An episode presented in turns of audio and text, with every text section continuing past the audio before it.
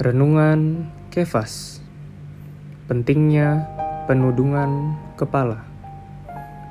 Ayat Alkitab 1 Korintus pasal 11 ayat 13 Pertimbangkanlah sendiri.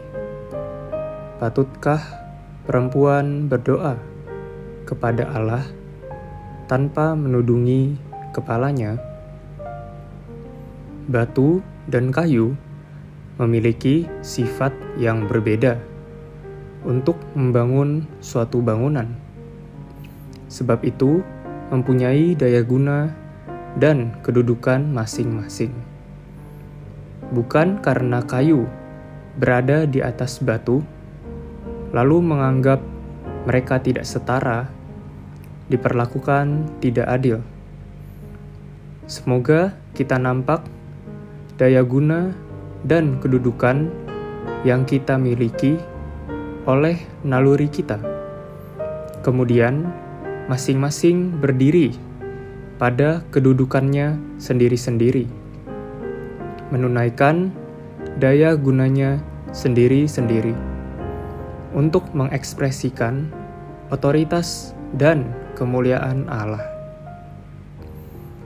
Naluri kita adalah ciptaan Allah. Dan penciptaan Allah menurut pengaturannya. Dalam pengaturannya, laki-laki menjadi kepala dan perempuan menudungi kepala. Sebab itu, dia menciptakan naluri yang berbeda bagi laki-laki dan perempuan. Naluri ini membuat laki-laki menjadi kepala, memimpin, dan membuat perempuan menudungi kepala, menaati. Di sini kita dapat nampak hal ini bukanlah masalah persamaan hak kaum wanita dan kaum pria, melainkan perbedaan naluri laki-laki dan perempuan.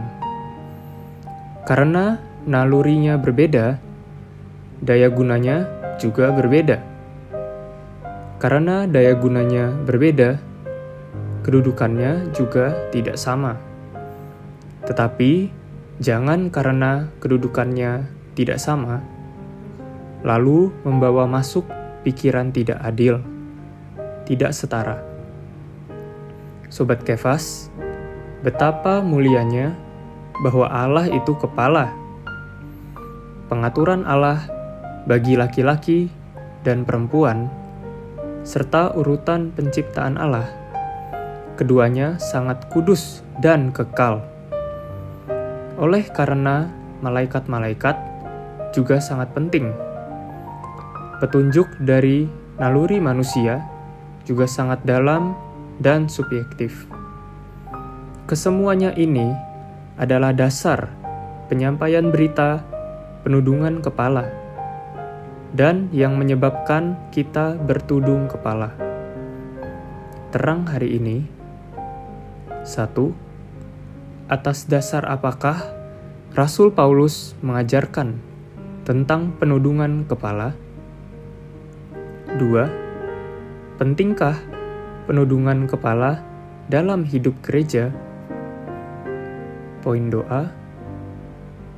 Satu, Berdoa agar dalam praktek penudungan kepala, banyak orang yang tidak salah paham. 2. Dalam gereja, penudungan kepala dilakukan dengan tepat.